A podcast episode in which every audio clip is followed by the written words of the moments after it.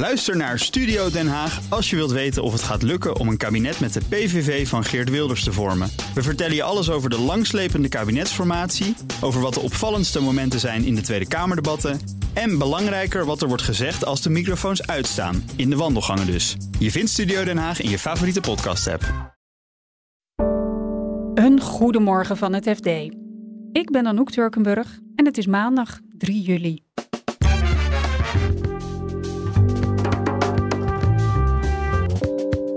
Fiscalist van de sterren zit in Italië vast onder huisarrest. En er komt dus dagelijks komt er een politiejeepje langs die toetert. En dan moet hij zijn hand uit het raam steken om te laten zien dat hij er nog is. Computercriminelen gebruiken nu ook ChatGPT. Zorg echt dat je uh, cyberveiligheid nu op orde is en zo nodig schroef het op, want verwacht het onverwachte. En de nieuwe topman van Unilever moet voor verandering gaan zorgen. En dat vinden aandeelhouders en, uh, en analisten ook belangrijk, want ze vinden Unilever een beetje een zelfvoldaan bedrijf geworden. Dit is de dagkoers van het FD. Belastingadviseur Frank Butselaar werkte zich op van MKB-adviseur tot fiscalist van de sterren. En nu zit de Amerikaanse justitie achter hem aan. Onderzoeksjournalist Bart Bos sprak met Butselaar. Ook over zijn bijnaam. Ja, eh, Frank Butselaar die wordt niet graag fiscalist van de sterren genoemd. Want hij zegt, ja, ik, ik adviseer gewoon mensen die uh, heel veel in het buitenland zijn en eigenlijk niet of nauwelijks in Nederland. Maar ja, hij was wel gewoon fiscalist van de sterren, want hij, uh, hij adviseerde dus Chesto, Afrojack, uh, Kim Veenstra model, Patricia Pai, Linda de Mol. En waar heb jij hem gesproken? Ik ben, ja, het moest, en, maar ik vond het ook niet heel erg, naar Italië gegaan om hem te spreken. Want hij zit momenteel met huisarrest thuis in zijn vakantiehuis in, vlakbij Perugia, dat is in Noord-Italië. En, en, waarom zit hij daar in huisarrest? Nou, hij is dus uh, half maart gearresteerd door de Italiaanse politie. En die deden dat dan weer om, omdat ze een verzoek hadden gekregen van Amerikaanse autoriteiten. Die hem in Amerika willen vervolgen uh, wegens het bouwen van structuren die bedoeld zijn om belasting te ontduiken. En hoe, hoe deed hij dat? Ja, hij richtte uh, limiteds, dus dat zijn de vennootschappen op Cyprus op, die daar een relatief lage vennootschapsbelasting betalen over de inkomsten van uh, DJ's en modellen die zij wereldwijd ontvangen. Daar komen die inkomsten dus, die komen in Cyprus binnen en de Amerikaanse autoriteiten die vinden dat, dat daar eigenlijk inkomstenbelasting over betaald moet worden in Amerika. En wat zegt Butselaar daar zelf over? Ja, hij zegt dat is gewoon een uh, dubbele heffing, dus dat zou niet moeten mogen. Uh, nou ja, daar zijn de Amerikanen het niet uh, mee eens en die willen hem dus graag voor de rechter brengen. Nu kijkt hij ook wat verbitterd naar het Nederlandse Openbaar Ministerie. Ja, Waarom is dat? Ja, hij zegt: Ik ben niet toevallig in Italië opgepakt, want er was al een aanhoudingsbevel tegen hem uitgevaardigd door Amerika sinds afgelopen oktober. Daar heeft de Nederlandse autoriteiten hebben daar eigenlijk helemaal niet op geacteerd. Die liet hem gewoon naar Italië gaan, vijf maanden later. En hij komt in Italië aan wordt de volgende dag wakker en er staat politie in zijn keuken. Dus hij zegt, ja, dat is wel heel toevallig. En wat, wat is zijn vermoeden dan? Nou, dat die Nederlandse autoriteiten daar een rol in hebben gespeeld. Volgens hem hebben die informatie over zijn komst naar Italië doorgespeeld aan Amerika, die vervolgens de Italiaanse autoriteiten hebben gevraagd hem te arresteren. De gedachte is dan dat hij in Italië veel minder rechten heeft dan, dan in Nederland. Want een Nederlandse staatsburger die kan allerlei garanties eisen als die wordt uitgeleverd aan uh, Amerika. En dat kan die in Italië niet. Dus hij zou, als hij in Nederland gearresteerd was, zou hij bijvoorbeeld in Nederlandse straf hebben kunnen uitzitten. Ja. Maar nu hij in Italië is gearresteerd, zou hij dus niet meer terug kunnen naar Nederland om daar zijn straf uit te kunnen zitten. Nee, nee. Als hij daar veroordeeld wordt, dan komt hij in een Amerikaanse cel te zitten. En die zijn niet uh, heel riant, weet ik. Wat zegt het OM in Nederland daar zelf over?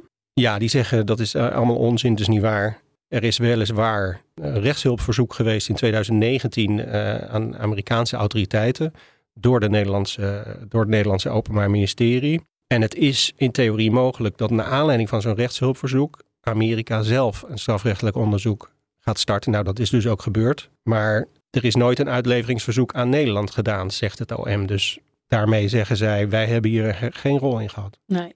En, en uh, je zegt nou mogelijk uh, celstraf in Amerika hangt hem boven het hoofd. Hoe, hoe lang zou hij daar mogelijk kunnen zitten? Nou, alles bij elkaar opgeteld wat hem uh, te lasten wordt gelegd in Amerika, dan komt dat ongeveer op acht jaar. Maar het probleem is ook een beetje dat hij zeer waarschijnlijk dus deze zomer uitgeleverd gaat worden aan Amerika. Maar die strafzaak die dient pas waarschijnlijk over een jaar of twee. Dus dan zit hij eerst nog eens twee jaar lang in voorarrest in Amerika.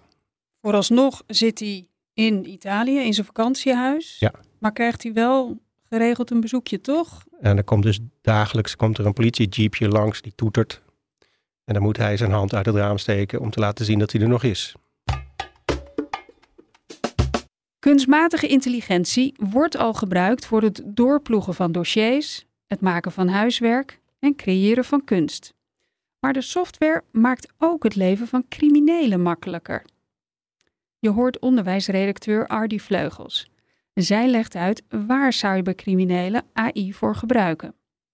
Nou, vooral voor phishing mails, oplichtingsmails. Want die kun je echt veel beter uh, maken met uh, behulp van ChatGPT. Uh, maar daarnaast ook voor het schrijven van uh, kwaadaardige codes bijvoorbeeld.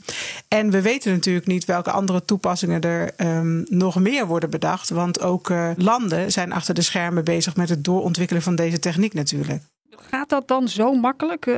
gaat ChatGPT dan niet iets zeggen van hé, hey, dat mag je niet doen? Ja, dat doet hij wel. Want hij is natuurlijk wel um, door de makers ook uh, getraind om uh, niet mee te werken aan dat soort uh, verzoeken. Je kunt hem niet vragen: Goh, hoe maak je een atoombom of zo? Alleen, het is een, een taalbot. En hij is natuurlijk wel getraind om verschillende perspectieven aan te kunnen nemen. Dus als je een beetje slim vragen stelt, of je vertelt hem dat het voor een cursus is, bijvoorbeeld, kan je best wel ver met hem komen.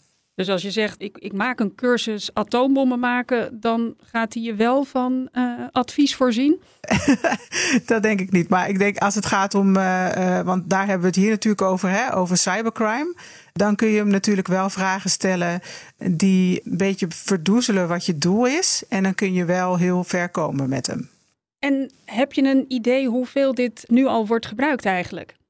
Ja, we zijn bij het uh, Nationale Cybersecurity Centrum uh, geweest. Uh, die ook zien dat dit gebeurt. En die vertelden bijvoorbeeld dat als het gaat om phishing mails. Dat zijn mails die jou proberen te verleiden dat je op een link klikt.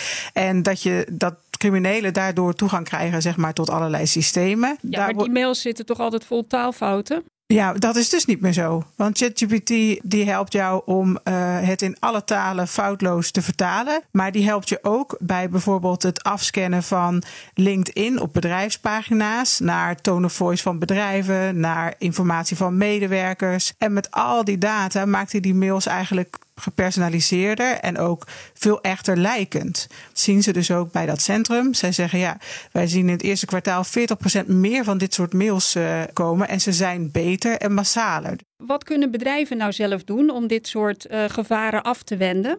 Nou, de Nationale Coördinator Terrorisme en Veiligheid die zegt bijvoorbeeld: zorg echt dat je uh, cyberveiligheid nu op orde is en zo nodig schroef het op. Want verwacht het onverwachte. Hè? We weten dat, dat er technieken zijn waar heel veel mensen gebruik van maken. Maar die technieken die worden ook achter de schermen door allerlei landen natuurlijk verder doorontwikkeld. Dus we weten niet precies hoe ver iedereen daarmee al is. Dus je moet echt het onverwachte verwachten. En dat betekent je cyberveiligheid flink opschroeven.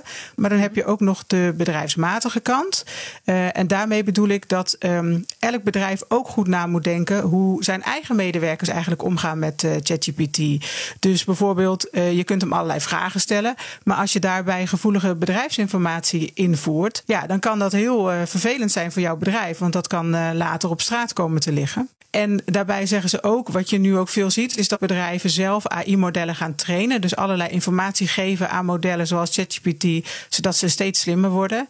Maar zij zeggen, ja, dat kan ook heel riskant zijn. Want als je daarin persoonsgegevens, bedrijfsgevoelige informatie, um, uh, dingen over intellectueel eigendom, hè, die dat raken, als je die daarin stopt en die modellen worden ooit gehackt, ja, dan ben je echt heel erg kwetsbaar als organisatie. En, en zit er misschien ook nog een positieve kant aan? Ik bedoel, kunnen bedrijven aan de andere kant ook profiteren van dit soort kunstmatige intelligentie om die aanvallen en, en phishing mails bijvoorbeeld weer tegen te gaan?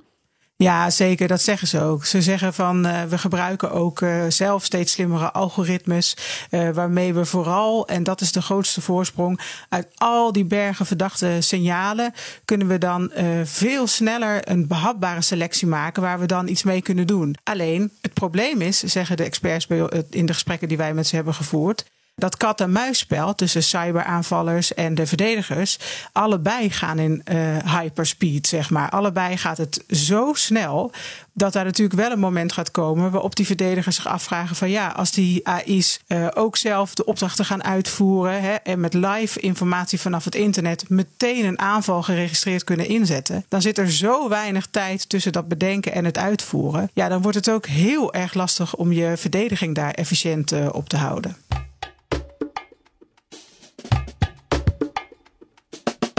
Afgelopen maand liep hij al mee met vertrekkend topman Ellen Joop. Maar nu is Hein Schumacher dan echt de hoogste baas van Unilever. Retail-redacteur Jan Braaksma weet waarom de keuze op Schumacher viel. Er moest vers bloed komen. Ellen Joop had uh, een turbulent laatste jaar. Hij had voor 60 miljard geprobeerd uh, de, de consumentendivisie van GlaxoSmithKline te kopen. Dus van de Advil pijnstillers en Aquafresh tandpasta. Nou, dat, dat viel niet goed bij de aandeelhouders. Die waren woedend. Uh, vlak daarna was, uh, was Joop, uh, kondigde die aan.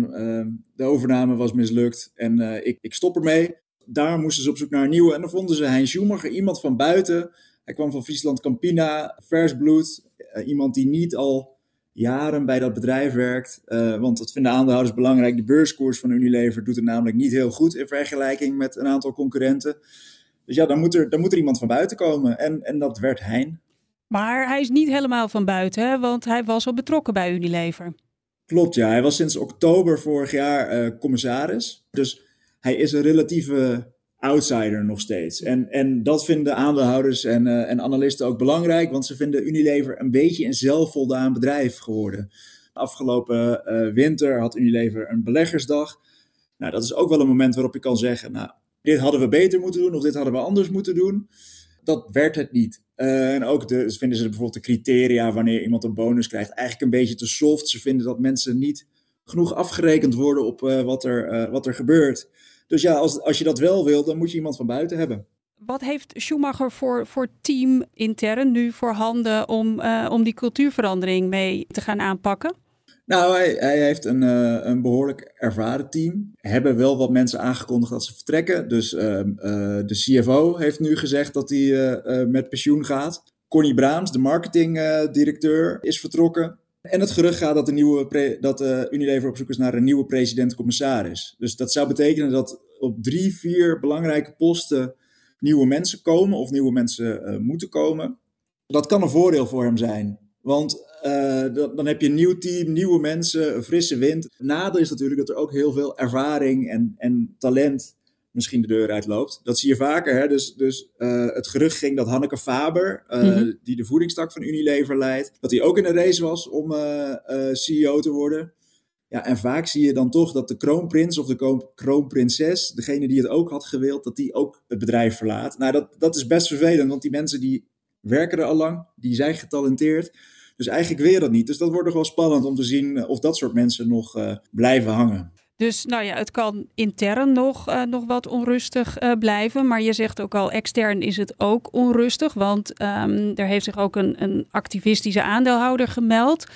Wat, wat ja. willen die aandeelhouders nou precies van Unilever? Nou, uiteindelijk willen ze vooral dat de beurskoers omhoog gaat. Dat is heel plat, maar dat, dat, dat is het spelletje waarom ze in de, het spelletje dat ze spelen. En hoe ze dat doen is vaak door ja, of iets aan de strategie te veranderen, of een bedrijfsonderdeel te verkopen, of zelfs er wordt te pleiten om het hele bedrijf op te splitsen. Dus dat wordt nog spannend om te zien wat daar, uh, wat daar gaat gebeuren. De mensen die wij gesproken hebben, dus mijn collega Pieter Kouwenberg en ik, denken niet dat er meteen een, uh, dat, dat ze een heel ander soort bedrijf gaan worden. Unilever is altijd een groeibedrijf geweest, veel marketing en dat soort zaken, dat zal er wel in blijven. Dus ja, dan moet je misschien meer zoeken in het verkopen van een bedrijfsonderdeel of het opsplitsen. En dat is altijd een soort doembeeld geweest van mensen van Unilever. Want Unilever is schoonmaakmiddelen, voedingsmiddelen, was- en zeepachtige producten, ijs. Dat hoort er allemaal bij, vinden ze. Dus de gedachte dat zo een van die onderdelen misschien wel uh, de deur uitgaat, dat is een soort doembeeld bij ze.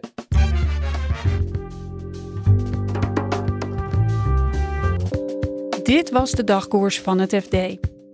Morgen zijn we er weer met een nieuwe aflevering. En intussen lees je al het laatste financieel-economische nieuws in onze app. Voor nu een hele fijne dag en graag tot morgen.